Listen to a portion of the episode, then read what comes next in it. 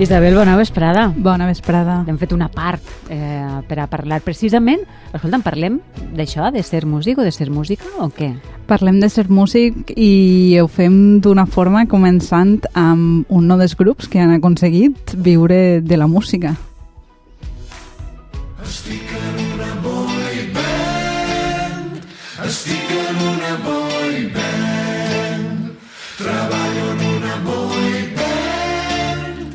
estic en una boy band.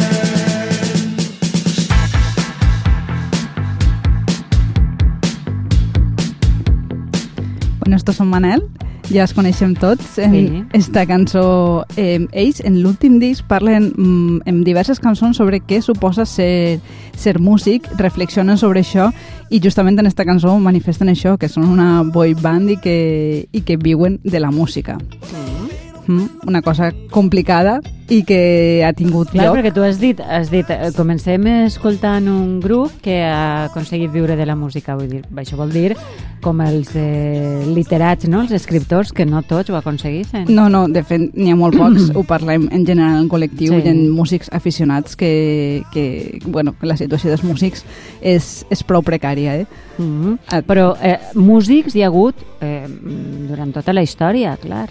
Sí, ja vos avance que la situació ha sigut prou precària. Tota la història també, Durant no? tota la història. Sí, el que passa és que el que s'entén per eh, ser músic ha sí. anat variant i ha depès en gran mesura de com s'entenia la música en aquest moment històric en relació, òbviament, amb el, amb el context eh, econòmic, eh, cultural, etc. Ens poses un exemple per a que ho captem un poc millor? Vos poso un exemple, dos exemples, a més extrems, per a que ho puguem entendre. Comencem amb l'actualitat. Avui l'actualitat, tot el món tenim prou clar que n'hi ha com dos maneres de, de viure la música en aquest sentit.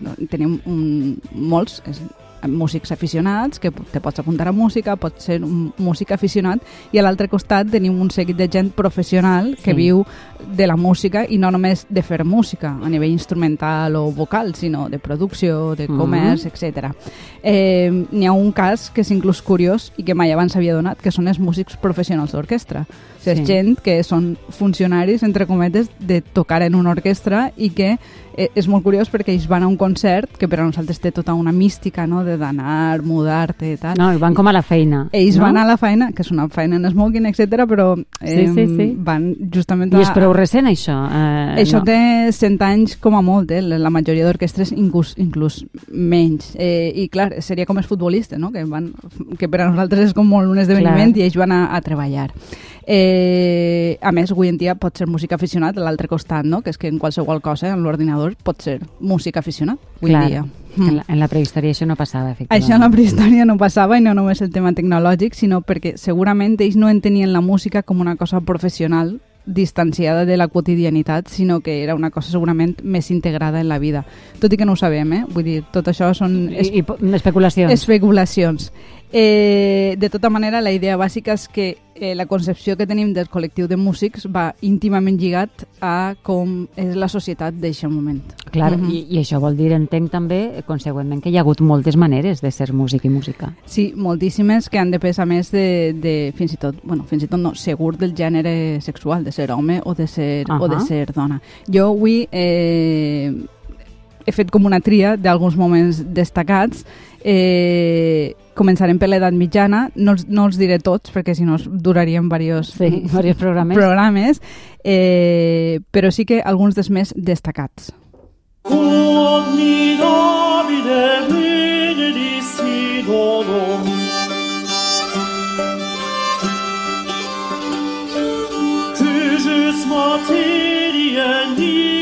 Formidabile Estem ambientadetes sí, per a parlar del tema, no? És per a començar aquesta música. Molt bé. No sé si recordareu, eh, vam dedicar un programa a Guido d'Arezzo, sí. que és l'home que va, es va inventar el, el nom de les, de les notes, i justament ell se les va inventar perquè estava molt preocupat específic específicament, perdó, de l'aprenentatge de la música perquè els que eren músics, segons ell i segons l'època, eren molt analfabets.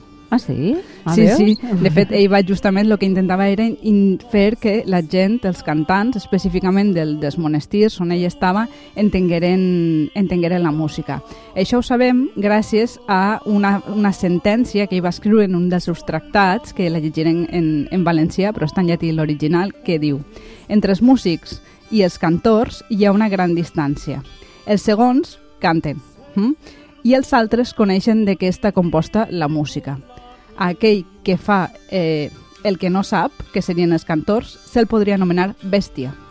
Ai, mare, en aquell temps eh, pensaven que els cantors eren unes bèsties, pobres. No exactament, és la manera que té ell d'explicar... De distingir, de no? distingir, no? Ja. En aquell moment es pensava que la música, que és una cosa que a nosaltres ens costa molt, tenia dos, dos tipus de, de... Es pensava de dues maneres. Estava la música teòrica, que es Sí. creia que era com més important i que s'estudiaven les proporcions numèriques, i la música pràctica. Eh, els que sabien tocar un instrument que farien música en el sentit que nosaltres modern, que entenem nosaltres, eh, el que feien era imitar, senzillament. Aprenien imitant i, per tant, no sabien més. Aleshores, Guido s'inventa el nom de les notes per a que intenten saber un poc més, aprendre a llegir, a no imitar sons i ja està, senzillament. Uh -huh. I eh, això va durar molts, eh, molts més anys? Va durar, però poc, va anar millorant a poc a poc, entre altres coses perquè del temps de, de Guido és quan comencem a tindre les primeres partitures que van signades amb el nom. Abans no, no ho anava per tradició oral o senzillament no s'apuntava qui havia fet aquella música. O sigui que suposadament eh, és una cosa positiva, no? Sí, en principi és una cosa positiva, tot i que encara quedava molt de camí per recórrer.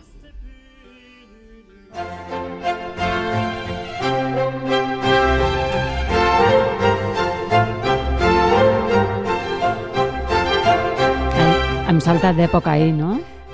Hem saltat d'època, sí, hem saltat uns quants segles, i de fet este l'he posat també específicament perquè la varen posar també fa unes setmanes, hm? per als oients que ens segueixen poden Sí. anar integrant les diferents coses. Això és música aquàtica de Händel i l'he rescatada perquè justament Händel va ser un dels primers compositors que va gaudir d'una certa llibertat, per Però dir-ho llibertat així. en quin sentit, Isabel? En la seva època, eh, els músics majoritàriament que podien viure d'això eren mestres de capella o músics de la cort. De fet, la majoria de músics era, era un funcionament gremial. Què vol Mhm. dir això? Que tu pertanyies o entraves a una família o a un grup de persones i com que continuava dins d'eixa saga, per dir-ho per dir d'eixa forma. No era com ara, que t'embotes a un conservatori i pots ser músic. Ja, si ja, no ja. formaves part d'eixa família o d'eixa entorn, era, era molt més complicat eh, entrar.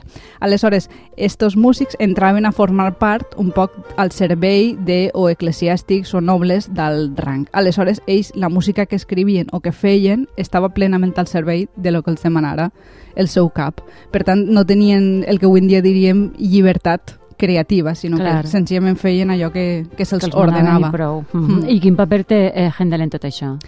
Händel es considera en alguns llibres que va ser dels primers músics que va aconseguir, primer de tot, amassar una gran fortuna de diners. Sent músic? Sí, sent músic ja, per, gràcies al seu èxit en el teatre. Ahà. Mm? eh, perquè ell no només va viure de servir diguem, als, als nobles, sinó que Sí. va fer com una carrera independent com a músic empresarial en, Mhm. els, en els teatres.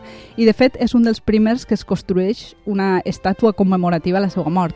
També perquè viu en un moment on els espais públics com jardins comencen Sí. a, a fer-se a fer importants. Però és dels primers que, que té això, que abans no en tenien. Uh -huh. I eh, quines conseqüències va tindre això per als músics a partir d'aquell moment?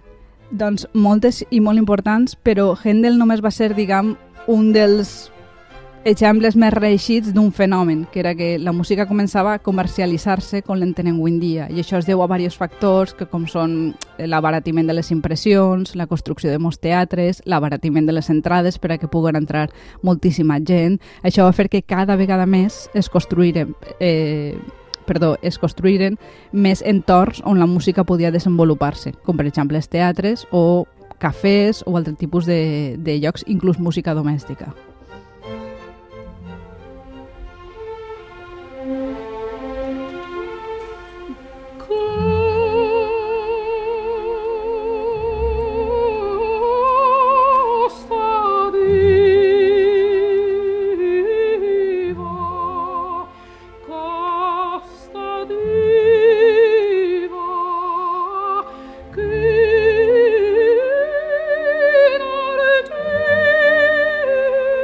Pues dius així, Isabel? Sí, tot i que Maria Callas... No, però és- sona molt bé. eh? Sí, en la que cantes Maria Callas, sí. eh, ja és una Mhm. persona del segle XX, però els valors que encarna varen néixer al segle XIX, que és quan es crea el que entenem com la figura del virtuós. És una persona que té un domini impressionant de l'instrument i viu d'això, viu del, del domini que té. I ell mateix es converteix en una empresa que el seu producte és vendre eixa habilitat. I aleshores té fans, partidaris, detractors, etc. Mm? Ah, ah, me recorda una miqueta això, Operació Triunfo, no? és, és tal qual això, però Sí, no? en el segle XIX, i de fet primer va ocórrer amb els cantants i després va passar als instrumentistes. Eh, Beethoven va ser un gran intèrpret del piano, que és una faceta que ell no es coneix, que vivia d'improvisar, anava Sí. fent concerts i la gent pagava per veure-lo, o Liszt, o Paganini, són, n'hi ha moltíssims exemples. I és quan comencem també a associar les idees de bohemi, d'artista que tenim avui en dia, no? que és gent que viu d'això, del seu èxit, de tindre això aficionats, fans, eh, de també poder que la teva carrera no vagi bé. Mm. És una cosa que abans eh, no, no passava, no eres tu l'empresa, sinó que treballaves per algun altre. Mm. Ah, que bé.